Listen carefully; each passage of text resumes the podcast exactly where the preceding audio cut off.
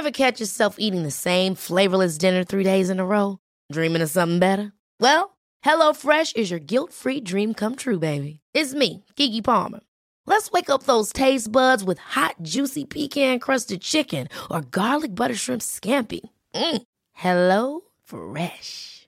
Stop dreaming of all the delicious possibilities and dig in at HelloFresh.com. Let's get this dinner party started.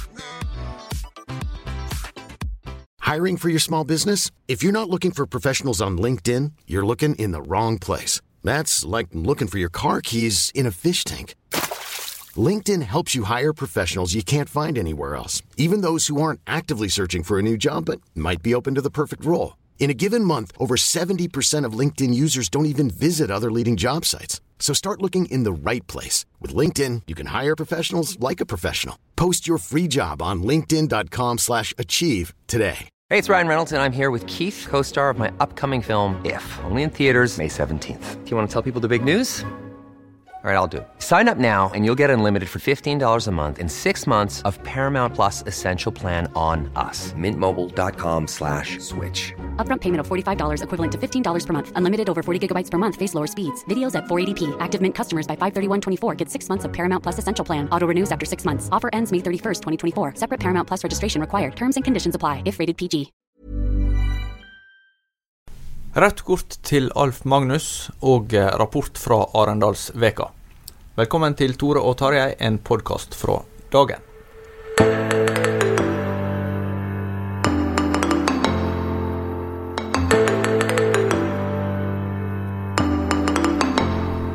Tarjei Gilje og jeg, Tore Hjalmar Sævik, er på plass i studio. og I dag har vi med oss noen gjester. De skal vi snart eh, komme tilbake til, Tarjei. Men vi, vi, begynner litt med noe som har fått ganske mye oppmerksomhet eh, både på nett og papir om oss de siste dagene. Og det er biskopen i Borg, eh, Atle Sommerfelt, som har kommet med en ganske uvanlig reaksjon overfor Alf Magnus, tidligere leder i Ungdom i oppdrag. Hva er det vi snakker om? I februar i år så var Magnus eh, gjestetaler på en fellesgudstjeneste i Tom kirke. Han eh, talte over dagens tekst. Det var en av Jesu lignelser. Og sånn som Magnus beskriver det, så fikk han mye gode tilbakemeldinger på kirketrappen, mens presten i kirken der sa at han var enig i sak, men at han ville altså valgt andre ord Eh, så i neste nummer av Menighetsbladet beklaget eh, presten Han gikk litt lenger kanskje enn i beklagelsen der enn han gjorde i samtalen med Magnus direkte, og dette ble en, en sak for flere. Eh, og det handlet om at Magnus koblet Eh, altså snakket om sex utenfor ekteskapet, altså samboerskap og, og likekjønnede parforhold og hele kjønnsidentiteten, og problematiserte det i, i lys av bibelske synsbegrep. Eh, og så handler jo teksten om fortapelse og frelse, om livets to utganger. Eh, og Magnus sier ikke sånn rett ut at de som begår denne den synden, går til helvete.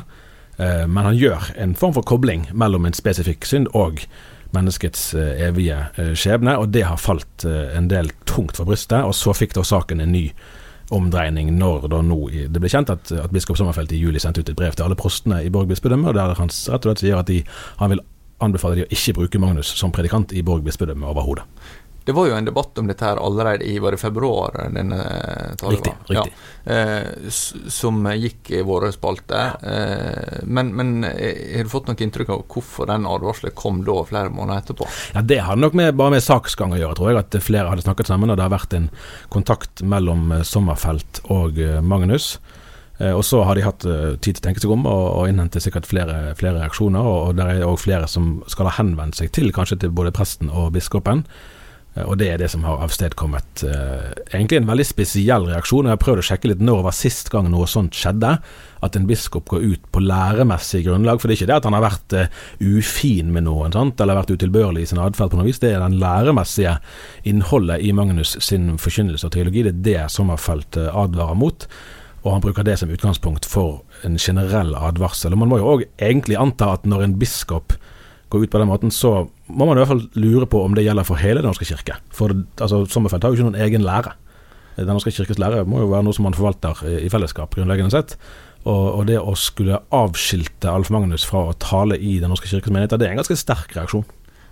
Uh, ja, så, så, vi hadde jo også et intervju nå med, med Vidar Hånes, som er rektor på um, MF og mm. professor i kirkehistorie, som uh, så vidt jeg eh, kunne se, ikke, hadde, ikke kjente til lignende tilfeller, også, så syntes det var en for streng reaksjon. da. De hadde jo, altså Den norske kirke hadde jo en lærenemnd sant, som bl.a. håndterte homofilisaken på et tidligere stadium. Den er nedlagt. Nå er det biskopene sjøl, og egentlig i siste instans Kirkemøtet, som i større grad har overtatt mer av det her overordnede læremessige tilsyn. Men vi hadde jo en, en eh, interessant sak, særlig nå da, i, i, november i fjor, da det var en prest i Oslo som da, da var det domssøndagen som hadde talt over lignelsen av brudgommen sant, og brudepikene og den historien, eh, og som, som, gikk ganske langt i å avlyse livets to utganger. Man kan jo ganske lett se at hvis, Magnus, hvis man skulle mene at Magnus er i konflikt med kirkens bekjennelse, så må nå i hvert fall denne presten være det, men der var det jo ingen tilsvarende reaksjon men, i det hele tatt. Men, men hva svarer Sommerfelt på det? Eh, han har ikke så vidt jeg vet blitt konfrontert med den parallelliteten eh, så langt, det bør han jo bli. Eh, det er i det hele tatt en hel del eh, sider ved lederskapet til Sommerfelt her som man kan stille ganske alvorlige spørsmål ved. Eh, blant annet at han, han, mener, han skriver jo på teologisk grunnlag i dette brevet at, at Magnus sin forkynnelse er utenfor bekjennelsen, og at den tydelig er preget av nykalvinistisk tenkning, uten å i det hele tatt forklare det noe nærmere. Jeg, jeg syns det er veldig spesielt å ty til sånne generelle og ganske sterke merkelapper uten i det hele tatt å forklare hvor henne i preken er det du finner hjemmel for den type karakteristikker. Altså det, ja, altså, ja. Nykalvinisme er jo gjerne et eh, begrep som kanskje mange av lytterne våre heller ikke har noe sånn aktivt forhold til, mm. men det viser jo til reformatoren Jean Calvin, som var en, eh, omtrent samtidig med, med, Martin Luther, men som la sterkere vekt på det en kaller den doble utvelgelse. Mm. altså at uh, den hva si, mennesket utvalgte, enten til frelse eller fortapelse. Eh, og at det er noe som en eh, en del kalvinister mener at en kan se liksom, eh, spor av eller resultat av også i, på denne sida av evigheten. Mm. Eh, som, som eh, ja, eh, vil være måtte kontroversiell med luthersk utgangspunkt. Men, men, det er jo ikke så ofte at biskoper går ut med den den typen sånn dogmatisk kritikk riktig, av en tale. Nei. Nei. det er ytterst, ytterst uvanlig. Men, men, noen vil jo kanskje si at en, eh, at en sånn tale Det handler litt om Én eh, ting er hva en sier, men hva sammenheng det blir sagt i, og hvordan det blir oppfattet og hvordan det egentlig mm. fungerer. Ja. Og, og, og, hva, tenker du om det? Altså, Nei, noen det, vil mene at dette, her, dette fungerer dårlig mm. i en folkekirkekontekst. Ja. Altså, jeg tror det, det, det, er lov å si at Alf Magnus er på en måte noen vil kalle han for en old school forkynner. Altså, han er en en, på mange måter en klassisk vekkelsesforkynner, kan vi vel si. Uh, og det er nok, altså i, neste, altså i vår generasjon er det nok få som vil ha ordlagt seg på den måten der. Uh, med det har jeg ikke sagt at han tar feil og at vi har rett. Det er bare en konstatering av utviklingen, at, at, han snakker på en måte som nok ikke så mange gjør i dag. Men hvis biskop Sommerfeld tror at dette er en spesielt eh, ekstrem eller ytterliggående tale, så lurer jeg oppriktig på hvor mange bedehus han har besøkt. Du og meg har garantert hørt mange taler som eh, er vesentlig sterkere i ordvalg og i konkretisering enn dette her.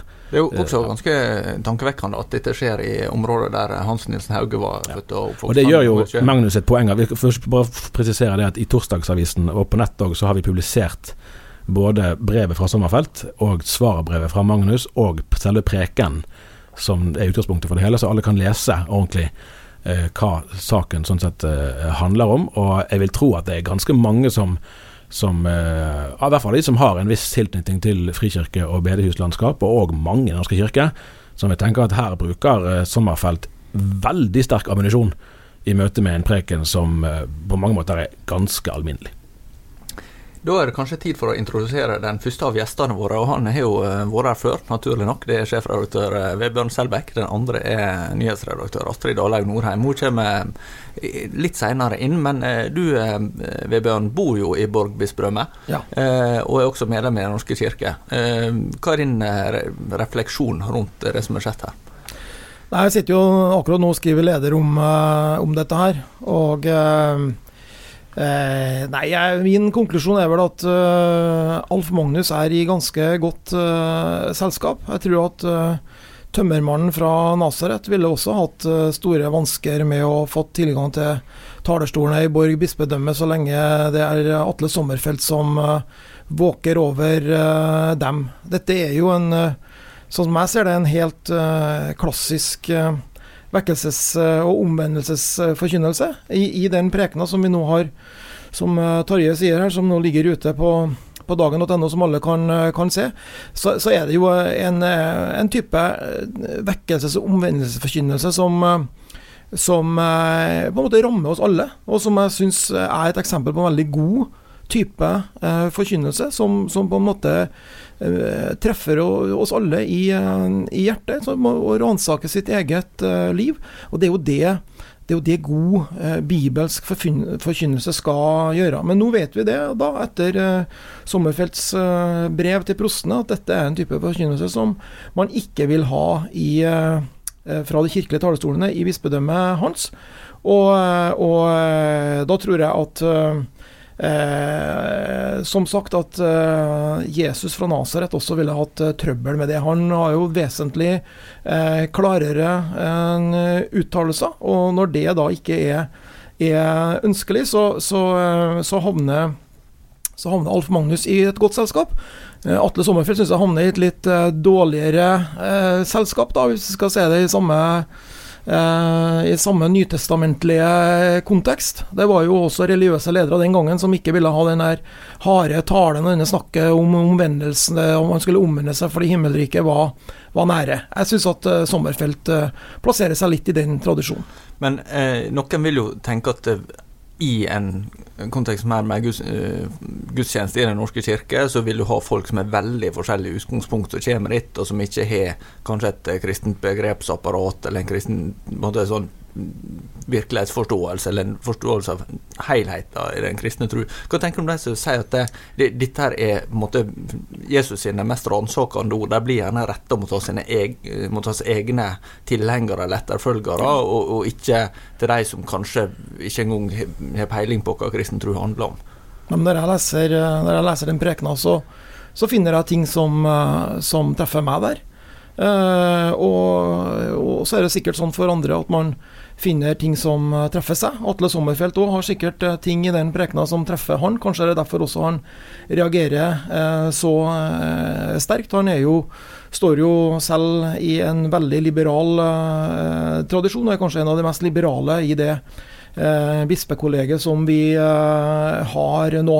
Men hvis vi skal se litt sånn stort på dette her, så tenker jeg at eh, kanskje er det eh, fordi at det er så lite av denne typen forkynnelse. Kanskje er det også noe av hovedproblemet eh, i den tida vi lever i. Kanskje er det derfor eh, at vi lever i en vekkelsesfattig tid, fordi at folk ikke er tør å ta på seg det, det eh, hva skal jeg si, det ubehaget som det jo er, og den risikoen det er, å forkynne et sånt uh, vekkelsesbudskap som bare for noen få tiår siden ville vært helt uh, mainstream. Kanskje er det også derfor at resultatene uh, i det kristne arbeidet er noe dårligere, fordi man har forlatt denne linja. Jeg tror det kan ligge noe i en sånn analyse. Eh, den danske filosofen Søren Kirkegård har jo sagt eh, mye som er blitt kjent, men et av utsagnene er at han anklager ikke kirka fordi den er ond, men fordi den mangler lidenskap. Ja, den kan man i hvert fall ikke anklage den pregna til Alf Magnus for at den var lidenskapsløs. Den, den var den hadde lidenskap, og, og jeg syns eh, det var en veldig, veldig eh, god preken. Og jeg mener det er også en Vi lever i en alvorlig tid i, i kirka. Man har, man har tatt Med simpelt flertall så har man, jo, har man jo valgt å legge om hele teologien rundt Eh, ekteskap, og man har altså eh, valgt å kalle noe som, eh, som, Bibelen og det skriftmaterialet kaller for synd, det er ikke lenger synd. det har man vedtatt i Norske kirke. Det er til og med noe som man skal da velsigne i Guds navn. Og det syns jeg er en veldig alvorlig, alvorlig ting. Og, og jeg setter pris på forkynnere som tør å eh, si sånne ting i klartekst. Og Det er jo altså, det er jo her vi har noe av saken godt illustrert. altså Man kan teologisk spørre hvilken plass har egentlig et begrep som omvendelse i en moderne folkekirkevirkelighet. Det kan man jo grunne over både lenge og vel.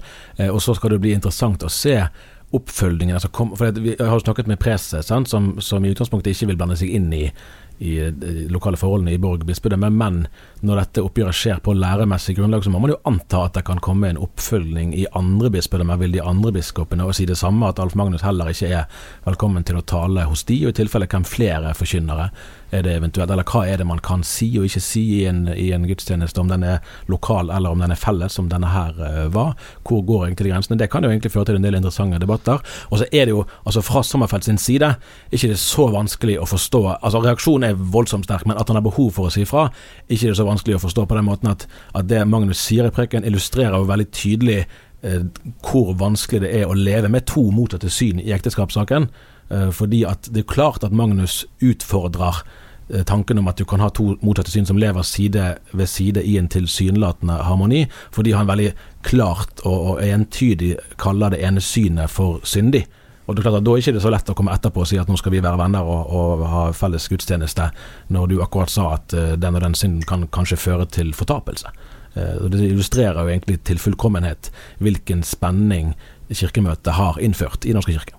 Hva konsekvenser tenker dere dette kan ha for, for samarbeid og bruk av gjestetalere, mer sånn generelt? For det, vil jo kanskje gjøre noe med, med, med hvem en spør om å, om å, delta?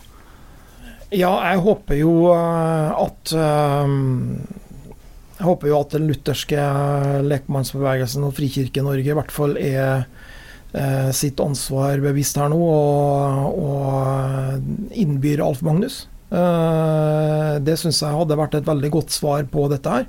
Og jeg er jo veldig glad for å lese eh, den artikkelen som vi har her i dagen, og der vi har snakka med, med, egentlig bredden i, i, i Kristen-Norge, i hvert fall, i hvert fall de lutherske lekmannsorganisasjonene, misjonsorganisasjonene, eh, er jo veldig klar på dette her. Og aller klarest var vel Erik Furnes i Indremisjonsforbundet som sa at denne prekenen kunne jeg ha holdt sjøl. Uh, og, og, det syns jeg er veldig, veldig godt å, å, se.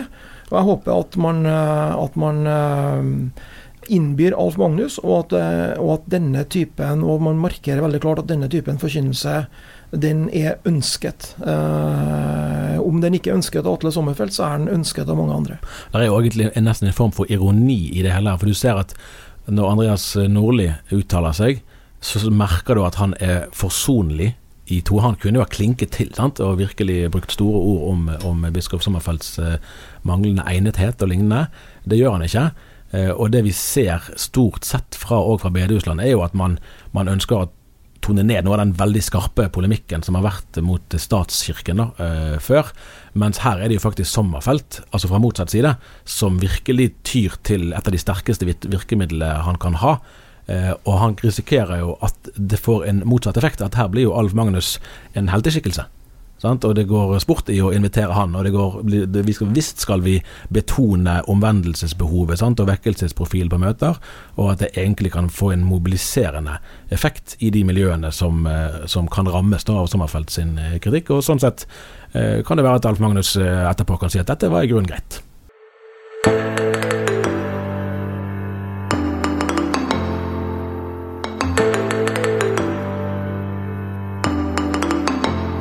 Den andre store saka denne veka her, det er jo eh, der alle befinner seg. Merkelig nok, kan en eh, kanskje si. I Arendal. Det er jo ikke, eh, uten å fornærme noen sørlendinger, det er jo ikke akkurat verdens navle. Men det er jo en hyggelig sørlandsby på mange måter. Og ei uke i august så, så, er liksom alle i Arendal, som i alle fall er kjent i, i media osv. Men, men det er verken du eller meg? Nei, vi er jo hva jeg skal si, altfor beskjedne og forsiktige ja, ja. til å bevege oss dit. Og noen må også eh, drive landet, så vi har jo tatt litt ansvar her på kontoret, da. Men eh, to har fått reise av gårde, eller det vil si tre, men to av dem er her fra oss i dagen. Og det er altså da Vebjørn og du, Astrid Dalaug Nordheim. Hva setter du igjen med nå, altså, for å ta det liksom, ja. falkeblikket, eller liksom oversiktsblikket først, da? Ja, altså det jeg Jeg har jo aldri vært der før, eh, og har jo tenkt at det var liksom bobla, og at vi i dagen kanskje ikke trengte å være så tydelige der, vi vil heller være ute med, hos folk. Eh, så jeg eh, reiste med litt sånn Her bør vi nok sikkert være-følelse. Og så ba jeg folk om gode råd som hadde vært der. Og da fanga jeg opp at det var viktig å ha gode sko. Du må gå mye? Ja. Gå mye. Og så at, eh, at, eh, jeg må være tidlig ute. var det ei som sa til meg, journalist, Jeg må være tidlig ute, fordi at der er det ikke sånn at vanligvis har vi pressebenker med de som har gode arbeidsforhold. Her er det førstemann til mølla på debatter og sånn, og er det fullt, så er det fullt. Og da kommer du ikke inn. Um, og det sier jo kanskje litt. Altså det er eh, Vi hørte tall på rundt 80 000 som går rundt i gatene der i Arendal, og det er vanvittig mange små boder og masse debatter. Flere hundre debatter og seminarer hver dag. Uh, så det var veldig overveldende. Men det var utrolig stor bredde av tema. Eh, og av folk. Jeg hadde trodd det var veldig mye sånne dresskledde folk, lobbyister, First House. Og selvfølgelig så vi dem, og jeg havna jo til med på en sånt arrangement. Varte ikke lenge, for å si det sånn. Men eh, det var mye vanlige folk òg, altså, som var tidlig ute og lytta. Er det der du opplever det som en, eh, en god venn av meg av og til sier at det er travelt å være journalist, men tross alt er det bedre enn å jobbe? ja, jeg får absolutt den følelsen. Jeg føler, jeg føler seg veldig privilegert og kan bare gå fra den ene til debatten til den andre, og på veien så møter du gjerne en biskop eller en generalsekretær så du kan prate litt med.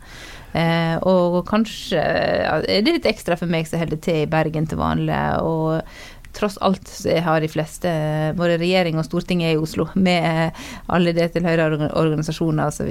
Så Kan man si noe om altså For det blir jo at man flytter bransjetreffet fra Oslo til Arendal. Sant? Og etter hvert har jeg inntrykk av at det er flere og flere bransjer, og langt utenfor media og politikk, altså utdanning og forskjellige andre næringer og bransjer, som møtes der.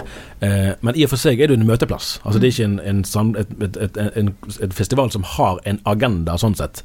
Men kan man likevel si at Arendalsuken fører til noe, at politikken blir dreid mer sånn eller sånn, eller næringslivet blir mer sånn eller sånn, fordi at man har vært der? Altså, det er jo et veldig godt spørsmål. Jeg, I både politikk og samfunn så handler det veldig mye om å bli sett og hørt og lagt merke til for å få ting igjennom. Mm. Uh, og der fikk jeg litt sånn nytt syn på det. Ikke minst den første debatten jeg ramla innom eh, i et hvitt telt nede på kaien der, var, da var Ansgar teologiske høgskole som sammen med Universitetet i Agder hadde en debatt om eh, angst for religion. Og det var tjåka fullt. Jeg måtte stå bak, eh, og jeg kom inn litt seint. Da var jeg midt i bolledebatt ja. Eh, fra Sirdal. Eh, har laget lov å servere boller? Og det skapte veldig engasjement. Så snakket jeg med kommunikasjonssjefen på Ansgar etterpå hvorfor, hvorfor de var her. Da, da, sa han bl.a. det at eh, for dem var det viktig å være synlig, og her fikk de møte politikere, fortalte han. Så han trodde hadde det ikke vært for det, så hadde ikke de heller fått, fått hele sørlandsbenken på Stortinget til å komme til skolen på, i forbindelse med 30-årsjubileet. Og i revidert budsjett så fikk de jo 30 ekstra studieplasser til psykologi. Så, så jeg fikk dere de studieplassene pga. at dere var på Arendalsveka, og hva er dynamikken her? Sant? Men de sier, altså, man må se og bli sett og hørt og rope ganske høyt. Og det at de da kanskje politikerne har blitt bedre kjent med de på Arendalsveka, gjorde at eh, de fikk òg en posisjon der de kunne synliggjøre behovet for flere psykologiplasser. Eh, så det er klart, det å komme i posisjon til, til politikere og sånn, det tror jeg kan være veldig nyttig for flere. En kan jo eh, kanskje bli både oppmuntra og litt uh, urolig når en ser hvordan beslutninger blir tatt. Uh, hvis en kommer tett på, på de, de, aktørene som gjør det. Hva tenker, du om det, Weber, når du ser måte, uh, ja, hvor mange med stor innflytelse som samles i Arendal? Ja, men Det er jo bra at folk samles og snakker sammen. Og det der har jo det har vært mye kritikk mot Arendalsuka eh, for at det er en, eh, et elitetreff og sånt, og noe av det eh, jeg er enig i. Altså var det Trygve Slagsvold Vedum i fjor som, ja, som sa at han dro av gårde med en gang etter partilederdebatten, som han måtte være med på, som nå jo går i Arendal. Men, eh, men, eh, utenom det så ville han ut og treffe vanlige folk, og de mente han, de traff han ikke på Arendalsuka. Det syns jeg kanskje er litt forenkla, for det er, det er, mye vanlige folk der òg. Det er mye Det er ikke bare for, eh, for lobbyister, men, men, men du ser jo også at en del av disse her restaurant Det er vanskelig å få seg et bord på restaurant da, og få spist noen ting. Uh, fordi at det er Gelmyden, Kise og First House og disse her som har bestilt uh, opp i, uh, i lange baner og veldig tidlig. da, Så det er jo, det er jo mye, mye, lobbyister på diett som går rundt der òg, det er det. Men, men jeg syns sånn bottom line at det er et veldig bra arrangement. Og, og helt tatt bredden av, av debatter og seminarer er veldig, veldig stor. Altså, bare, bare det jeg var med på, altså, det var alt fra Alt fra rusdebatt til, eh, til den amerikanske eh, valgkampen til, til kirkelige eh, spørsmål. Så, så det er et veldig stor, veldig stor bredde der. Altså. Det er noen ting for, for alle, hvis man nesten uansett hva man er interessert i. Men er det noen debatter som har vært særlig interessante fra et dagen-perspektiv? Ja, vi følger jo, vi følger jo eh, politikken tett. Og, og der er jo, eh, der er jo Arendalsuka eh, en veldig, veldig viktig arena. Og jeg, det kanskje, høres kanskje litt nerdete ut, da, men for meg så har egentlig høydepunktet både i fjor og i år, har jo vært der flere ganger, men i, både i fjor og i år så syns jeg høydepunktet for meg har vært ikke partilederdebatten, men eks-partilederdebatten. Som også er en, eh, et arrangement som går rett før partilederdebatten, der man samler da tidligere partiledere som eh, skal få lov å, å debattere. Og i år var det mm, Bondevik og Jan Petersen og Erik Solheim og Dørum og Liv Signe Navarsete og Rasmus Hansson, tror jeg kanskje var alle, som, eh, som diskuterte klima. Og eh, Petersen og Bondevik hadde en heftig omkamp om gasskraftverksaken, som, eh, som hans eh, første regjering måtte gå av på i mars eh, 2000. Og det var fortsatt engasjement og bluss på lampa, selv om det hadde gått nesten eh, 20 år. Så det var interessant. Og, og, og også Erik Solheim var en person som virkelig eh, imponerte meg. Eh, han eh, har, er på en måte en slags sånn klimaoptimist. Han eh, var veldig sånn eh, klar i det å avvise disse her eh, apokalypseholdningene. altså denne negativiteten rundt, eh, rundt klimaspørsmålet. Det var han opptatt av. Eh, og, og heller få fram hvor mye positivt som skjer. At vi faktisk har muligheten til å gjøre noe med klimaproblemene. Og Jeg snakka litt med han etterpå, og da fortalte han bare som et eksempel. Da. Han, han eh, sa det at eh, ja, vi, det, det kommer til å, å bli mer ekstremvær framover. Men det som ingen snakker om, det er at selv om det blir mer av det, så kommer det til å være langt færre som dør av ekstremvær enn det har vært før. Nettopp fordi teknologien eh, utvikler seg.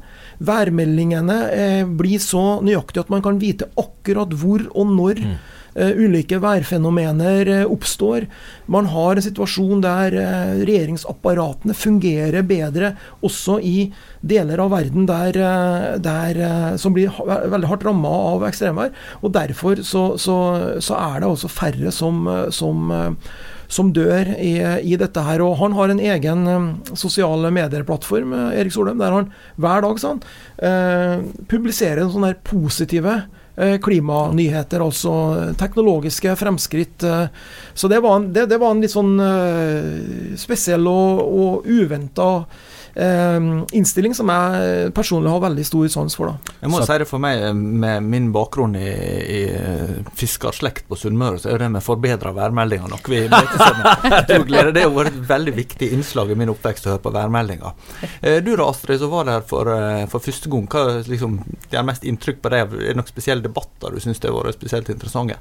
Vet du hva, Hvis jeg skal trekke fram én ting, eh, og det blir kanskje sånn lite øyeblikk, men jeg var også på kir kirkeskipet. Den norske kirka har jo hyrt et eh, helt skip, og det ligger på en av de mest sentrale plassene midt nede i Pollen der.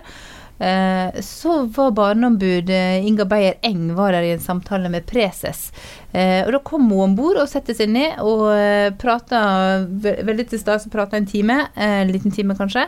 Eh, og mange av oss husker jo som en veldig tøff aktor i 22. juli-rettssaken. Tøff og rettferdig. Nå har hun altså blitt barneombud og snakker, anbefaler eh, foreldre veldig, og, eller foreldre og kristenledere, barne- og ungdomsledere, og varsler til barnevernet hvis de ser ting de er bekymra for. Eh, det var for så vidt som forventa, men det var det øyeblikket hun fortalte at hun sjøl en gang hadde opplevd å bli bekymra for et barn, og hvor vanskelig hun syntes det var å varsle. Og at hun gikk runder med seg sjøl og tenkte ja, men eh, det jeg så var kanskje ikke akkurat det jeg så, og var det noe annet og sånne ting. Og så når hun kom på kontoret sitt dagen etterpå, så hadde de sagt ja, du vet hva du har å gjøre nå. Eh, ja, det vet jeg. Og så Så du, du får sånne øyeblikk der folk eh, viser litt frem andre sider av seg sjøl og sånn. Var også opptatt av det som går på debatten rundt barnevern. Det var mye eh, hva skal jeg si, støy rundt det internasjonalt. Ja, det, eh, det var ikke eh, rom for å komme så veldig inn på det i denne sammenhengen. Eh, så det håper jeg at vi får mulighet til å komme tilbake inn til. Var dere blant de som eh, sto og frøs under partidebatten mandag kveld, eller hadde dere kledd dere etter at det blir kaldt utover kvelden? Ja, vi eh, hadde gleden av å eh, Du satt inne? Ja, vi fulgte da partilederdebatten fra eh, pressesenteret. Er det her vi skal røpe at du ikke kom inn på pressesenteret med en gang, Vebjørn? Eh, ja, jeg hadde noen problemer med å komme inn pga. at jeg ikke hadde ordna meg akkreditering. Da, så det var, det var tilløp til dramatikk, da. Men vi fikk med oss vi si, vi med store deler av det. Men det var lite frysing, ja, og ikke noe frysing. Men, men det var et sånn eh, eh, litt sånn eh, Oi, hørte vi rett-øyeblikk på pressesenteret idet Støre banda? Ja. Da, Ja, det diskuterte de i Bergens Tidende om det var en tabbe, eller om det var helt kalkulert. Ja, det har Og vi de, de kom vel frem til at det var mest sannsynlig kalkulert. Ja, det, det kan hende. Men i så fall så er det jo et alvorlig trendbrudd, da. Fra mannen som ellers eh, snakker så pent at eh, vi alle føler at vi har noe å strekke oss etter. Det er litt den følelsen du får når du står foran Folkets hus der på Youngstorget. At eh, Den monumentale røde bygningen At hvis du er en av oss, så er vi din venn. Hvis du er vår fiende, ja vel, da er vi sterkere enn deg. Og det var vel noe Jeg hørte en av analysene eh, Klart dette banneordet ble jo mye analysert, da. Eh, En av analysene var jo at det var kalkulert fordi at man ønska å vise en distanse eh, til KrF. Vi er ikke deres venner lenger. Vi holder ikke på fri til Mm, dere mm, lenger. Han banna jo i en duell Det er vel forresten ikke for Folkets hus, det er vel det nye LO Kongressenteret, men Arbeiderpartihuset, er i hvert fall. Det er ikke hva det heter. Ja. For vi må ikke rote med slags bygg som er kor i hovedstaden. Da, Nei, ut. Men det er jo, det er jo også et litt sånn kulturelt eh, tegn i tid. Altså det, Ja. Du skal ikke så mange år tilbake før det har blitt ganske stor oppstandelse rundt at, Ja, men at det altså, altså.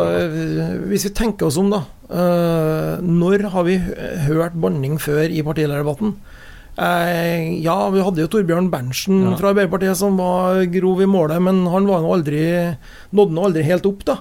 Men, men det er ikke Det er jo ikke helt eh, Det er jo ikke helt vanlig, og spesielt altså eh, Jonas Gahr Støre som som vil bruke eh, ord som ingen andre. Snakke om havrommet, ikke sant? I stedet for havet. og sånne ting. Han er, snakker jo veldig pent. Og at han da er den som bryter det lille tabuet der, det, det var overraskende for meg i hvert fall. Det er jo eh, en sak jeg så nå på Politico som følger amerikansk politikk tett, at eh, enkelte evangeliske kristne har det som et problem i forhold til Trump, da, at han har en språkbruk som ikke akkurat eh, er, akseptabel. Det er kanskje Støre som er Norges Ja. Trump, da. Akkurat på på det dette- feltet på så er det her. han som er den første Ja. som har tatt samme virkemiddel i bruk. Det jeg lurer litt på, altså Valgkampen er jo i gang, og dette, og, og, og um, man skal ikke tolke for mye ut fra selve den TV-opptredenen i seg sjøl, men, men sitter dere igjen med noen inntrykk av hvordan dette vil gå om noen uker eh, fra Arendal, som dere ikke hadde tenkt på samme måten om hvis dere ikke hadde vært der? Eh, Det jeg iallfall har et veldig tydelig forståelse av, at valgkampen eh, fram mot stortingsvalget 2021 er Mm. begynt. Ja. Eh, definitivt. Og at det blir veldig spennende å se hvor stor oppslutning Eller hva som skjer med Folkeaksjonen mot bompenger, og Mm. hva som skjer med Frp. Eh, absolutt. Jeg vet ikke hva du tenker, Vebjørn. Ja, så følger vi jo KrF nøye i avisa her, og, og det eh, var jo interessant å se både eh, Ropstads opptreden på partilederdebatten, men kanskje for min del enda mer interessant å se han i denne partitimen som Mm. hvert parti har Ja, ja. under Arendalsuka. Og det hadde jo KrF allerede på mandag, var det vel. Og da eh, var han eh, veldig offensiv, Ropstad, syns jeg. Og, og eh, det var en del nye ting, hvis man sammenligner med, med hans eh, forgjenger, Knut Arild Hareide.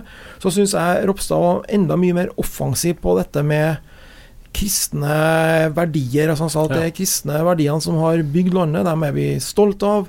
Eh, litt sånn nye toner, en del, en del ting som eh, eh, Hareide nok kanskje kunne ha sagt, men som han ikke eh, var veldig eh, Som han ikke sa veldig mye da i, sin, eh, i sine valgkamper. Så der syns jeg vi kanskje ser konturene av en noe mer sånn eh, Hvis vi skal holde oss til Trump eh, her, da, som tidligere nevnte Trump, så, så snakker han om å fyre opp sin egen base. Altså Det ligger mye i det å i det også å få engasjert de som, uh, som er potensielle velgere, som på en måte ligger i det, i det landskapet. Det tror jeg er en, uh, en taktikk som, uh, som nok Ropstad ser litt på nå, og prøver å, å bruke en del sånne triggerord, en del sånne gjenkjennelige mm. ord og uttrykk for også grunnfjellet i eget parti. Vi kommer nok tilbake igjen til både KrF og eh, antagelig også forkynnelse eh, det tror jeg. senere. Så, så, det er bare å følge med videre. Vi takker for oss i dag. Takk til Vebjørn og Astrid, og eh, velkommen tilbake neste uke.